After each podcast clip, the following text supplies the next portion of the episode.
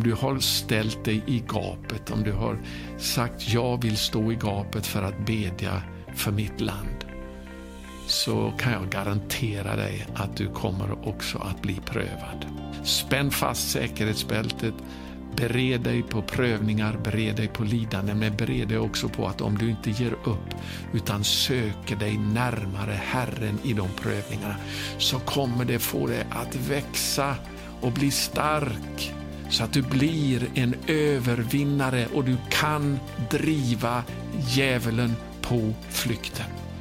Många gånger kommer du att känna dig ensam i den här striden. För det hör till prövningen som vi får genomgå. Vi kan inte lita på människor, men vi kan alltid lita på honom som gav sitt liv i döden för oss.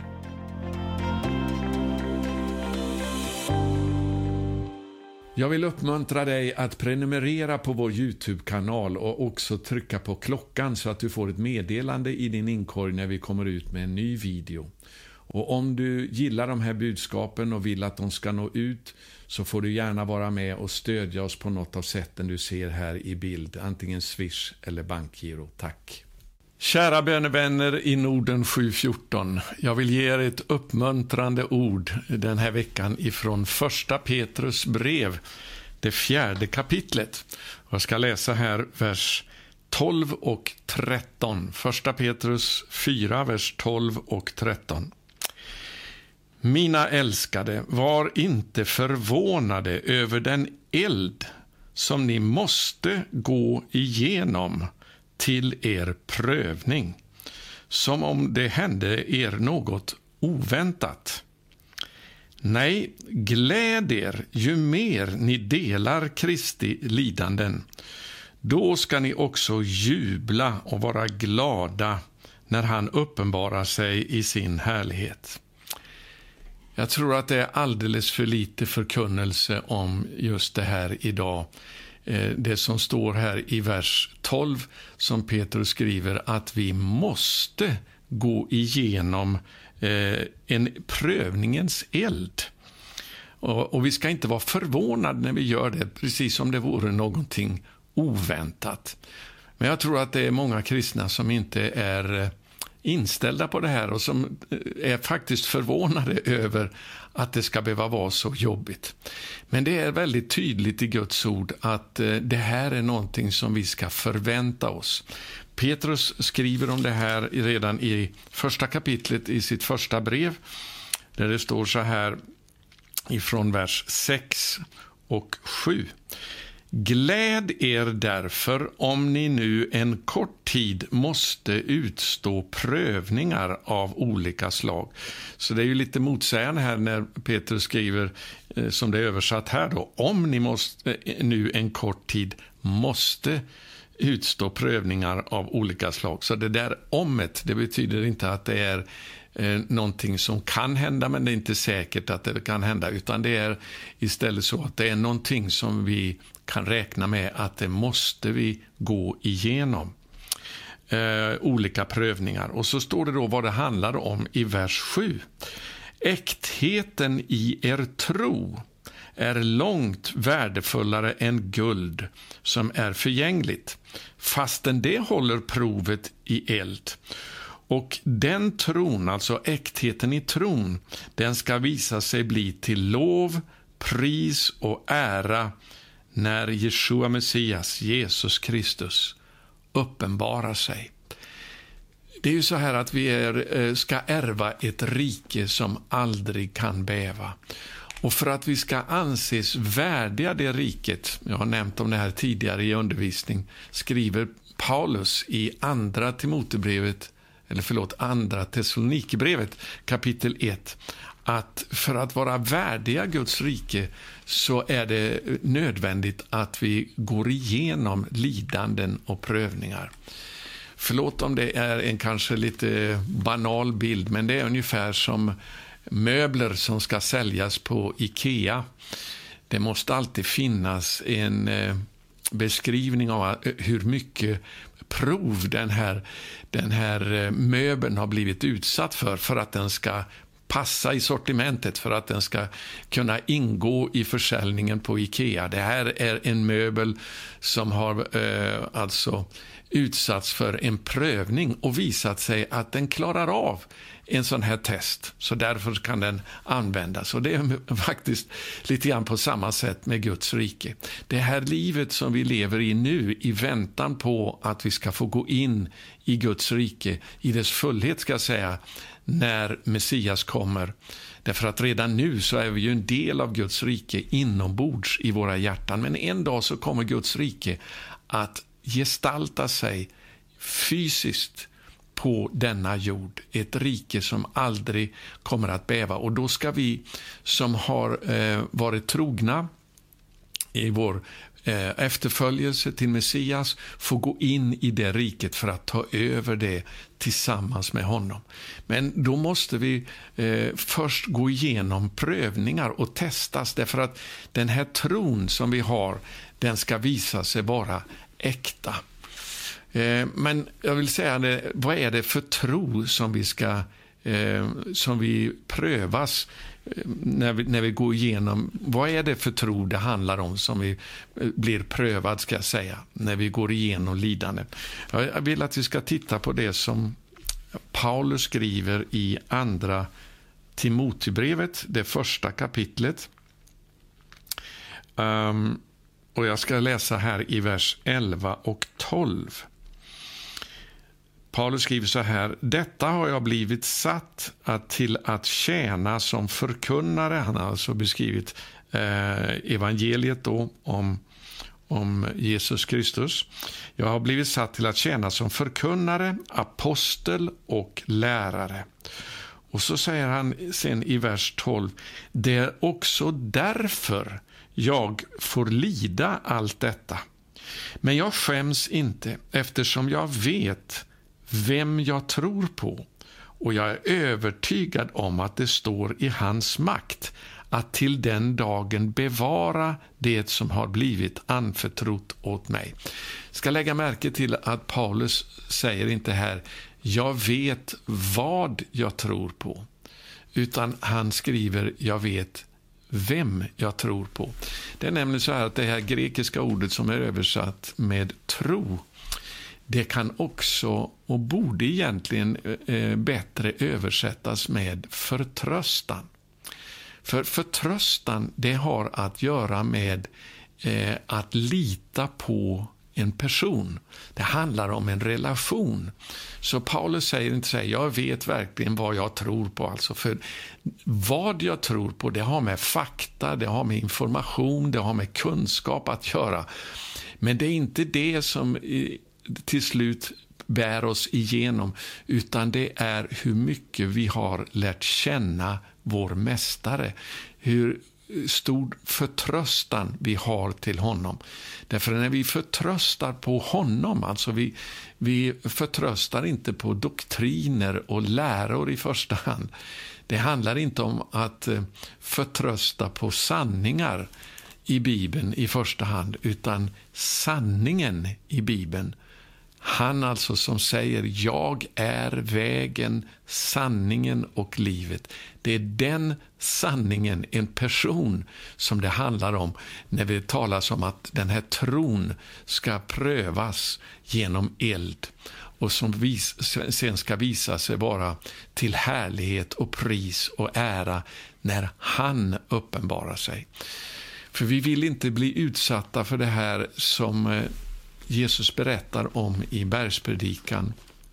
Det är så allvarligt, det som står i kapitel 7, sista kapitlet i bergspredikan. Vi ska titta på det här.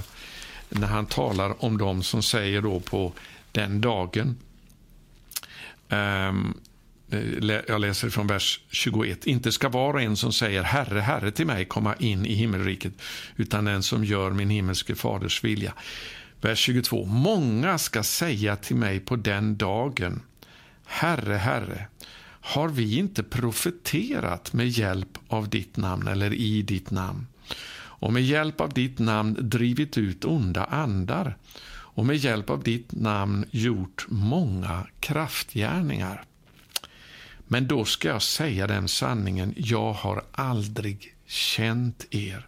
Gå bort ifrån mig, ni laglösa. Så tänk att det är möjligt att till och med vara använd av Gud till att göra under och tecken, till att profetera, till att eh, driva ut onda andar, men ändå inte lära personligen lära känna Mästaren. För han kommer att säga här, ni har gjort allt det här, men jag har aldrig känt er. Vi har aldrig haft den här nära relationen.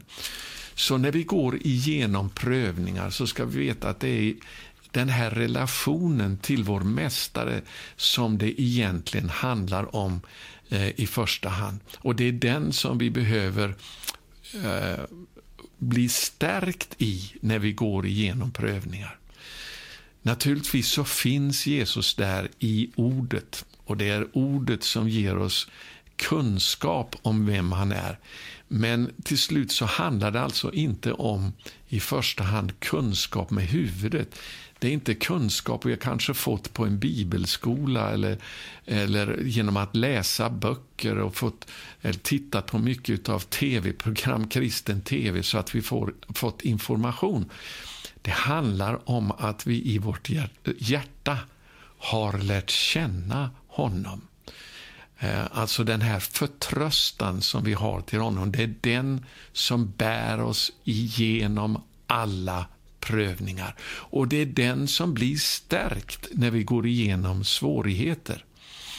Så eh, tron, den liknas då utav Petrus vid guld som blir renat i eld för att den ska bli ännu renare, så att säga, för att det rena guldet ska komma fram. För gulden, guldet det tål elden. Och likadant är det med när vi har en förtröstan på vår Mästare, Jeshua Messias, Jesus Kristus, lärt känna honom i ordet och genom att vi har tagit tid att umgås med honom i bön och lovprisning i vår ensamhet, fått lära känna honom på insidan av våra hjärtan i hjärtats djup.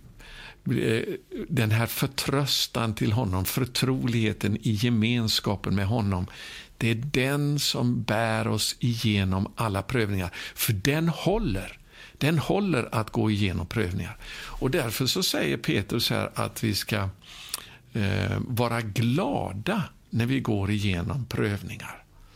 Varför ska vi vara glada? Jo, därför att de här prövningarna de är till för att föra oss närmare vår Herre och Mästare, för att lära känna Gud, Fadern och hans son Jesus Kristus. För Johannes skriver att vår gemenskap det har vi med Fadern och med hans son Jesus Kristus.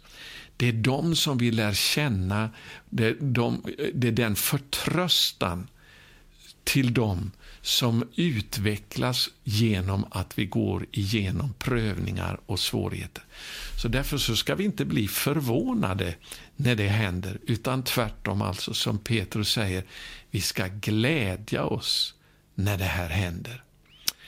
Och det är som sagt var för att vi ska lära känna vår Mästare i de här prövningarna genom att det tvingar oss in i ordet. Eh, att vi får eh, bli styrkt ifrån Guds ord. Och att vi tar tid på våra knän inför Gud. Att eh, be till honom, att uttrycka våra hjärtan till honom, eh, göra våra önskningar, våra begär kända för honom, tala om för honom hur det är. Och att genom den helige Ande som bor på insidan av oss så blir vi då tröstade när han talar till oss på olika sätt. Framförallt genom den här eh, trösten vi får i gemenskapen med honom. Jag vill läsa också ett annat bibelord här ifrån ehm, eh, Apostlagärningarna som har med det här att göra. Det som Paulus sa till de eh, första församlingarna han var med att eh, grunda i mindre Asien. Och vi ska läsa ifrån eh, vers 21 här i Apostlagärningarna 14. Eh, det handlar om Paulus och Barnabas. De predikade evangeliet i staden och vann många lärjungar. Och Det var då i, eh, ska vi se här, i Antiochia i Ikonium det handlade om. Och sedan vände det tillbaka till Lystra, Ikonium och Antiochia och styrkte lärjungarna, står det i vers 22, och uppmanade dem att förbli i tron. Eller som det alltså kan uttryckas också, att förbli i förtröstan. Därför förtröstan det har att göra med en person, tro det har att göra med fakta och, och, och kunskap och så vidare. Men det det egentligen handlar om det är det som Paulus alltså sa, jag vet på vem jag tror. Halleluja, han som är sanningen.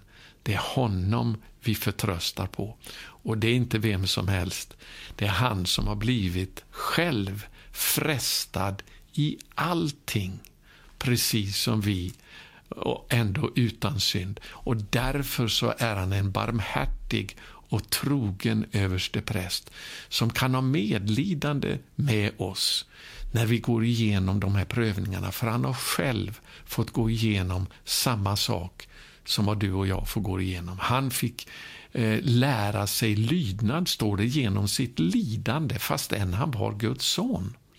Så lärde han sig genom sitt lidande lydnad och blev så fullkomnad. Och Det är en sån brud som Jesus vill ha vid sin sida för att ta över riket tillsammans med honom. En brud som har gått igenom den samma lidandets eld, samma prövning som han själv fick gå igenom. Och i den mån, i den grad som vi har gjort det, så kommer vi att också få dela härligheten med honom. Låt oss läsa resten av versen här nu i vers 22 i Apostlagärningarna 14. Han styrkte lärjungarna och uppmanade dem att förbli i tron, eller i förtröstan. Och så står det, det sa att vi måste gå genom många lidanden för att komma in i Guds rike. För att kunna ärva Guds rike så måste vi gå igenom många lidanden och prövningar. Ja, det var de Paulus och Barnabas sa till de första lärjungarna där som hade kommit till tro.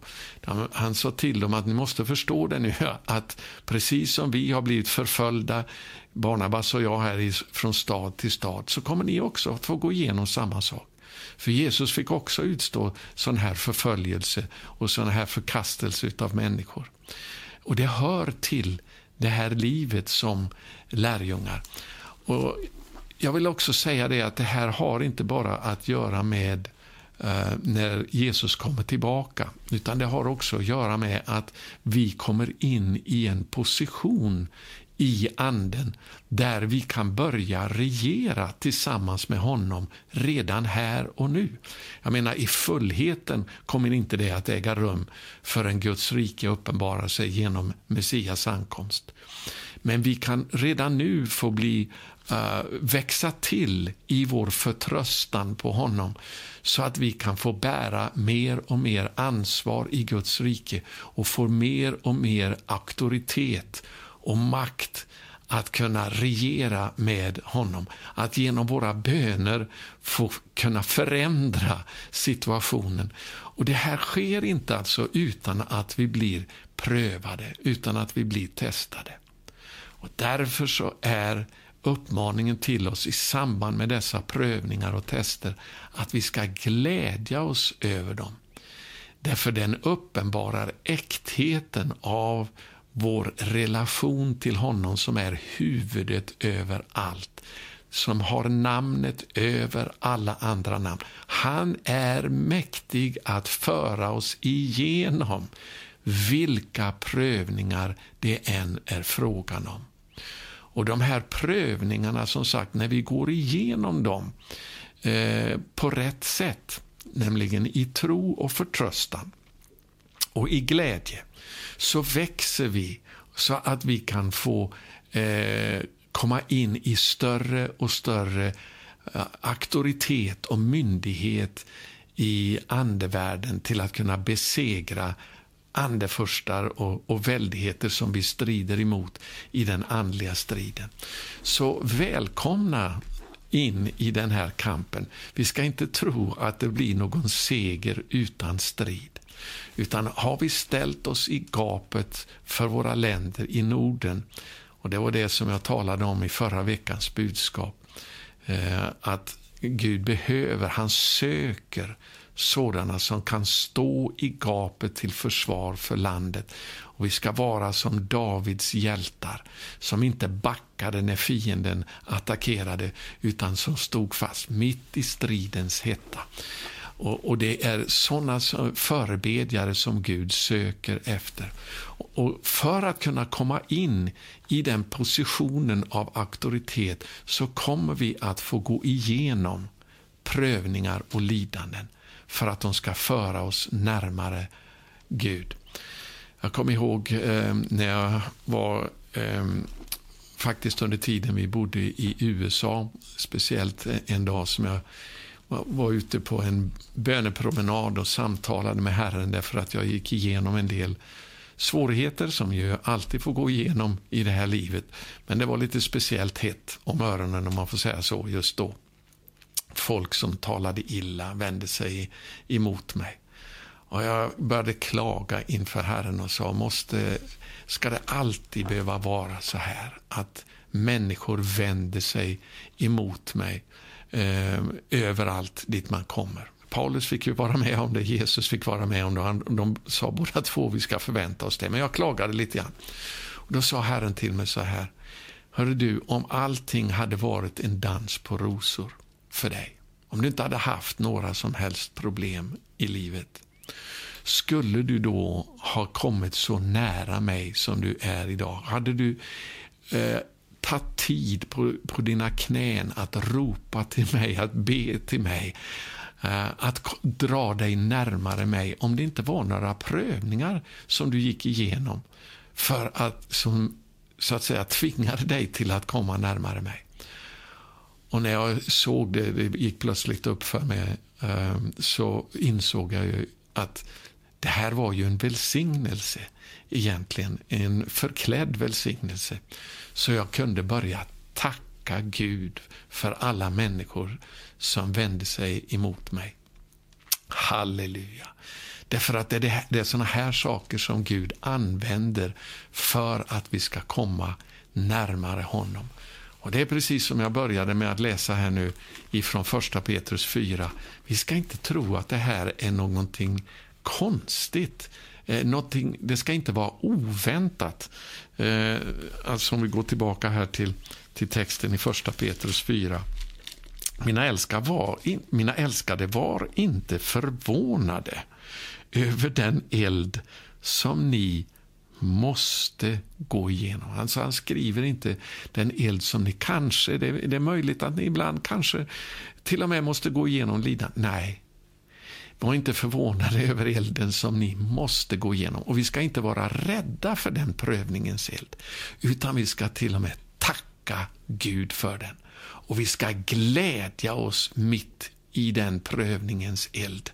Därför det är då som vi får, får lära känna vår Herre på, eh, på djupet. Halleluja. När vi går igenom dem utan bitterhet, utan oförlåtelse, utan agg mot någon människa, utan vi istället kan välsigna människor eh, oavsett vad de gör emot oss, oavsett vad de har sagt, oavsett hur de handlar, så kan vi med ett rent hjärta, ett rent samvete som har, redan har förlåtit de här människorna, eh, välsigna dem. Det är den reningen vi behöver gå igenom, för då, då gestaltar sig Guds egen karaktär i oss så att vi blir vittnen. För det är en skillnad mellan att vittna och att vara ett vittne. Att vara ett vittne det handlar om att vi är levande reklampelare genom våra liv. Det räcker med att vi, vi eh, uppenbarar oss i, i ett visst sammanhang så kan människor med en gång känna igen att här är det någon som har med Gud att göra redan innan de öppnar sin mun.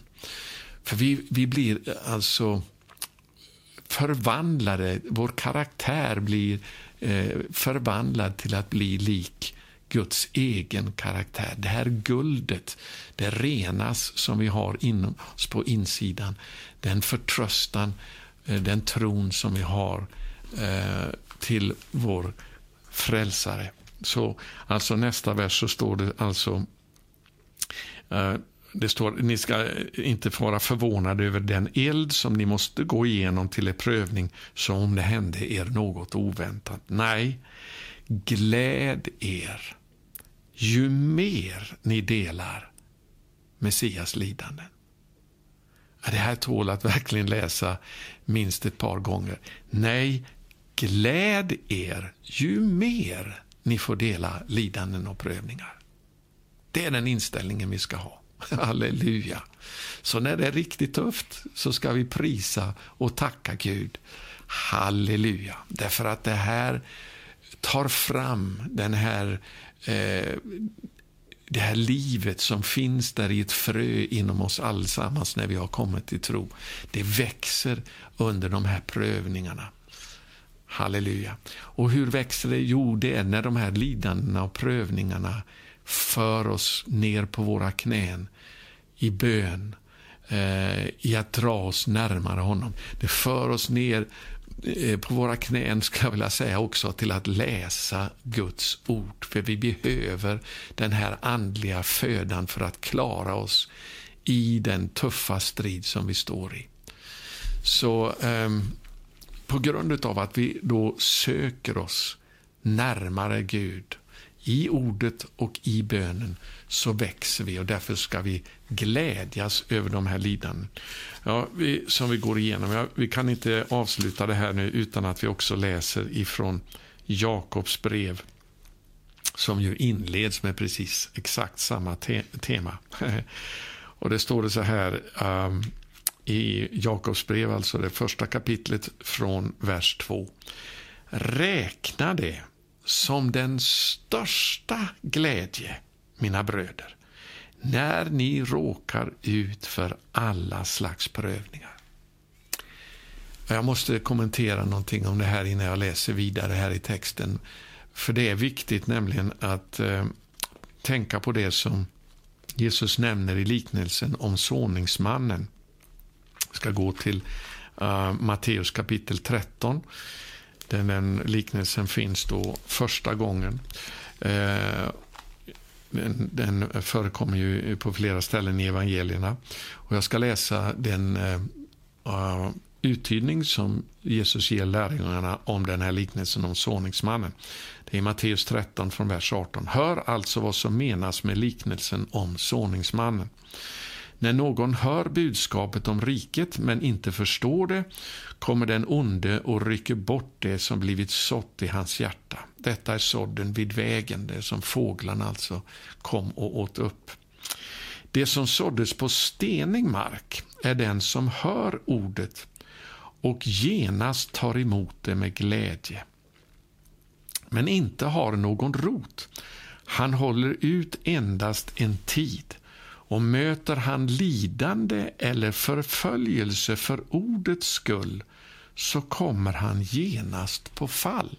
Så här ser vi alltså att lidanden och prövningar de kan också göra att vi kommer på fall. Det finns en chans att vi ger upp när det är för svårt, men det är ju det vi ska uppmanas till att inte göra.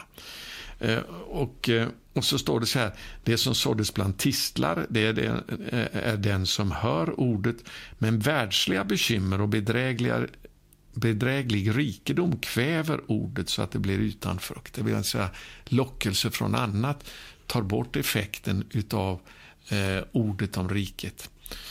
Men så står det med det som såddes i god jord är den som hör ordet och förstår och som bär frukt hundrafalt och sextiofalt och trettiofalt. Jag ska gå till Markus 4 också och läsa parallelltexten där där Jesus ger samma liknelse men med en liten eh, annan, eh, med, med, lite ytterligare tolkning här. Det står så här, eh, såningsmannen, det är från vers 14 här i Markus 4. Såningsmannen sår ordet. Det vid vägen är det hos vilka ordet sås, men när de hör det kommer strax Satan och tar bort ordet som är sått i dem. Eh, de tog inte tid att meditera över det för att kunna förstå det, utan man hör det kommer in genom ena örat och går ut genom andra örat, som man brukar säga. Man, man fäster ingen större uppmärksamhet vid det. Fienden kommer att plocka bort det med en gång. Och Sen kommer det då eh, den andra jordmånen här. Det som sås på stenig mark är det som genast tar emot ordet med glädje när det hör det. Men det har inte någon rot i sig utan tror bara till en tid. Möter det sedan lidande eller förföljelse för ordets skull kommer det strax på fall. Eh, hos andra faller säden bland tistlar, det är det som hör ordet, men världsliga bekymmer, bedräglig rikedom och begär efter allt annat kommer in och kväver ordet så att det blir utan frukt. Men det hos vilka säden faller i god jord, det är det som hör ordet och tar emot det och bär frukt 30-falt och 60-falt och 100-falt. Där fanns inga tistlar, det vill säga det var ingen konkurrens ifrån annat. Och det fanns heller inga stenar som gjorde att inte säden kunde tränga ner i jordmånen. Därför om det finns hårda saker i våra hjärtan, så när solen då stiger upp eh, med dess hetta, så eh, vissnar eh, den här växten ifrån fröet ner och dör. Men samma sol det är det här som är det viktiga. Solen då som en symbol på prövningar och lidanden. För oss i nordbor så är det här kanske lite svårt att förstå för vi tycker solen är det finns ingen större välsignelse än solen. Och svenskar och, och norrmän och, och, och, finnar och nordbor, när de kommer söderut här till Israel, så fort solen sticker ut så då vill man lapa in så mycket som går. Men i de här eh, breddgraderna där Jesus levde och förkunnade så står det mycket om att solen, löften om att solen inte ska skada. Därför solen är så stark. Och solen den förbränner med sin hetta. Och då gäller det att ha en djup jordmån så att fröet kan söka fuktighet längre ner i marken. Och då är det så att samma sol som dödar växten på den steniga marken, den får alltså fröet att riktigt växa när det finns en god jordmån. Och den här solens hetta det är alltså en bild på prövningar och lidanden. Så det beror alltså på vad vi har i våra hjärtan om prövningar och lidanden knäcker oss och gör att vi ger upp eller om de här prövningarna och lidanden gör att vi ödmjukar oss under Guds mäktiga hand, söker oss allt närmare Gud i bönen och ordet. Och då är det precis som det här fröet som, som börjar att söka eh, fuktigheten längre ner i marken och växer ut starka rötter krafter som gör att det kan bli mycket frukt ifrån det fröet som har såtts. Så ska det vara i våra hjärtan. Vi ska genom de här prövningarna som liknas då vid solljuset, vi ska tacka Gud för dem. Därför att det solljuset, om vi har rätt jordmån i våra hjärtan, får oss att bära desto mer frukt. Halleluja. Så tillbaka till Jakobsbrevet. Jag vill bara säga det alltså att det är så viktigt att eh, vi förstår det beror på jordmånen i våra hjärtan om lidandena och prövningarna får oss att växa i vår förtröstan och tro på vår Mästare. Eller om det gör att det trosfröet dör i våra liv. Och om du har känt att du har varit på väg att ge upp nu, du som lyssnar, så vill jag bara uppmuntra dig. Bli inte bitter. Tacka Gud, det är början. Och när du tackar Gud så ska du se att han kommer att föra dig närmare sitt eget hjärta. Där han har full förståelse och barmhärtighet eh, att erbjuda till dig. Därför han vet vad det är frågan om. Han har gått före, han har fått uppleva exakt samma sak som du och jag får uppleva. Och han bereder alltid en utväg ur alla prövningar. Vad är det för en utväg? Jo, det är han som säger Jag är vägen, sanningen och livet. Han är utvägen. När vi kommer närmare honom, när vi söker oss allt djupare in i gemenskapen med honom, då växer vi dessa trons rötter. Om vi förblir i vinträdet, då kommer vi att bära mycket frukt. Så därför så står det alltså här, Jakob skriver, räkna det som den största glädje, mina bröder, när ni råkar ut för alla slags prövningar. Ni vet ju att när er tro, och låt oss läsa det då som det också kan översättas, när er förtröstan sätts på prov, så gör prövningen er uthålliga. För förtröstan, om inte vi ger upp den, förtröstan på vår frälsare som har gett sitt eget liv för oss ända in i döden, som gjutit sitt blod i döden för dig och mig. Han håller att lita på, han håller att förtrösta på och han kan föra oss igenom precis vad som helst. Kom ihåg det, när du går igenom prövningar och lidanden så är det ett uttryck för att du är ett av Guds älskade barn som han låter gå igenom det här för att du ska växa dig stark i din förtröstan och tro på honom. Och så står det, men låt er uthållighet visa sig i fullbordad gärning så att ni är fullkomliga och hela utan brist i något avseende. Det är vad prövningarna kan leda till. Och så står det sen i vers 12 också här, Salig är den som håller ut i prövningen, som förtröstar oavsett hur omöjligt det ser ut, hur svårt det ser ut. Salig är den, sjufalt lycklig, som inte ger upp utan håller fast vid sin förtröstan. Eh, precis som Jobb gjorde. Han, eh, han gav inte upp sin förtröstan på Gud. Salig är den som håller ut i prövningen, ty när han har bestått sitt prov skall han få livets krona som Gud har lovat dem som älskar honom. Och det är ju när vi till slut spränger målsnöret och går in i evigheten vid uppståndelsen eller vid Jesu ankomst, vilket som kommer först. Då ska vi få livets krona i dess fullhet. Men som jag sa redan nu, eh, i det här livet så kan vi få en större portion utav försmaken av fullheten i Guds rike. Vi kan växa till i vår tro och bli allt starkare i Herren och i hans väldiga styrkas kraft. Så vänner, det var det budskapet jag hade den här veckan. Att uppmuntra dig i, tro, i trosprövningarna som du går igenom. Därför jag är säker på om du har om du har ställt dig i gapet, om du har sagt jag vill stå i gapet för att bedja för mitt land, så kan jag garantera dig att du kommer också att bli prövad. Eh, fienden kommer inte att backa förrän han har eh, först testat för att se vad det egentligen du har på insidan. Så spänn fast säkerhetsbältet, Bered dig på prövningar, bered dig på lidande, men bered dig också på att om du inte ger upp utan söker dig närmare Herren i de prövningarna så kommer det få dig att växa och bli stark så att du blir en övervinnare och du kan driva djävulen på flykten. Många gånger kommer du att känna dig ensam i den här striden.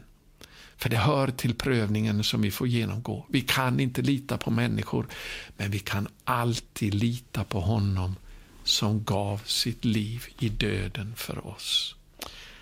Jag ska avsluta nu och så ska vi gå i bön, men jag vill läsa också en vers här ifrån eh, Galaterbrevet. Och Paulus skriver så här, och nu lever inte längre jag, utan Messias, Kristus, lever i mig. Halleluja. Och så står det, och det liv jag nu lever i min kropp, där lever jag, och så översätts det här i Folkbibeln 1998 som jag läser här, det lever jag i tron på Guds son. Men faktum är att det här bör egentligen istället översättas så här, och det här är så trösterikt alltså. Det liv jag nu lever i min kropp, det lever jag i Guds sons trofasthet. Halleluja, för det är egentligen vad det står här. Alltså det är inte din tro på honom som bär dig igenom, utan det är hans trofasthet till dig som bär dig igenom. Och så står det så här, det lever jag nu i Guds sons trofasthet som har älskat mig och utgivit sig för mig. Ja, har han redan gett sitt liv för dig och mig, då är han trogen oss ända in till döden, att aldrig överge oss, att aldrig lämna oss, utan alltid vara med oss i prövningens stund. Så det är egentligen vad Paulus säger i Galaterbrevet 2 och 20, eh, att nu lever inte längre jag, utan det är Messias, det är Jesus som lever i mig. Och det liv jag nu lever i min kropp, det lever jag i Guds son på grund av Guds sons trofasthet. Han som har älskat mig och gett sig för mig, utgivit sig för mig. Ska vi tacka honom för det, vänner?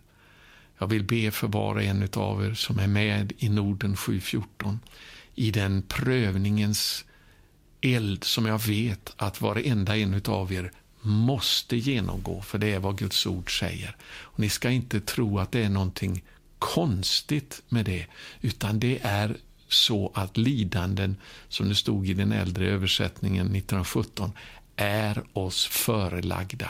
Vi är kallade att gå igenom dessa prövningar för att vi ska anses värdiga Guds rike som vi lider för.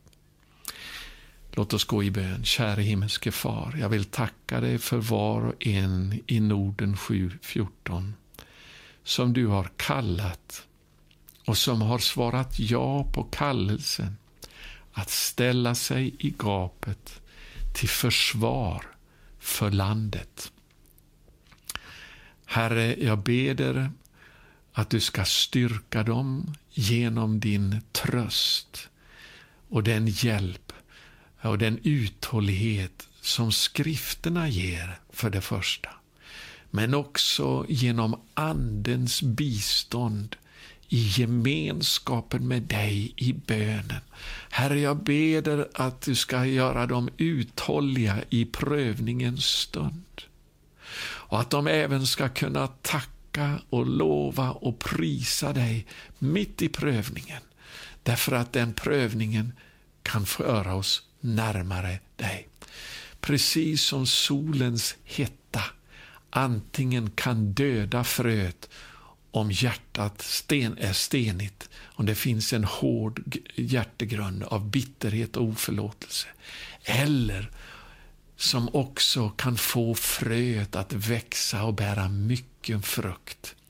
Herre, så vill du låta våra hjärtan vara mottagliga för det som du vill att vi ska eh, komma att förstå i ditt ord eh, bli mottagliga för din ande att kunna trösta oss och hjälpa oss och att kunna övervinna de frestelser och prövningar som vi blir utsatta för. Herre, så jag ber om din välsignelse nu över var och en, att de ska få växa till. De som är med i den här bönerörelsen Norden 7.14. Ber det för varenda en, att de ska glädja sig och jubla mitt i lidandet och prövningen och att därigenom kunna växa till, bli starka så att de kan driva fienden på flykten, att de kan stå fasta i prövningen och få se fienden backa. Att stå emot honom fasta i tron och då kommer han att fly för oss. Vi kommer att få se Guds rike bryta fram, bryta igenom i våra länder i Norden och din härlighet kan bli synlig mitt ibland oss. Jag ber att du reser upp dessa troshjältar nu i våra länder i Norden som går igenom prövningarna genom att söka sig närmare dig.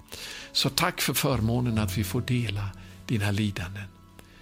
Tack för att vi, du eh, anser oss förtroendevärda att dela den det lidandet tillsammans med dig för att vi också ska kunna få dela härligheten eh, tillsammans med dig, segern eh, och bli övervinnare som också redan här och nu kan driva fienden på flykten. Tack för att du hör våra böner när vi ropar till dig. I Jeshua Messias namn. Amen. Tack för att du har lyssnat och än en gång, Gud välsigne dig. Glöm inte att be för vår konferens nu i Helsingfors den 6 till 8 november. Eh, det som jag sagt tidigare, jag tror att Gud vill låta någonting nytt komma fram i Norden utifrån Finland. Det finns någonting som Gud har lagt ner i Finland som är dyrbart för oss alla i Norden. Och jag tror att Gud vill låta oss bli besmittade av det, att, att Finland ska få bli till en välsignelse för övriga Norden. På samma sätt som vi nu eh, håller den här konferensen i Finland för att vara till en välsignelse för dem ifrån Nordens övriga länder. Vi står tillsammans i de korsmärkta länderna i Norden.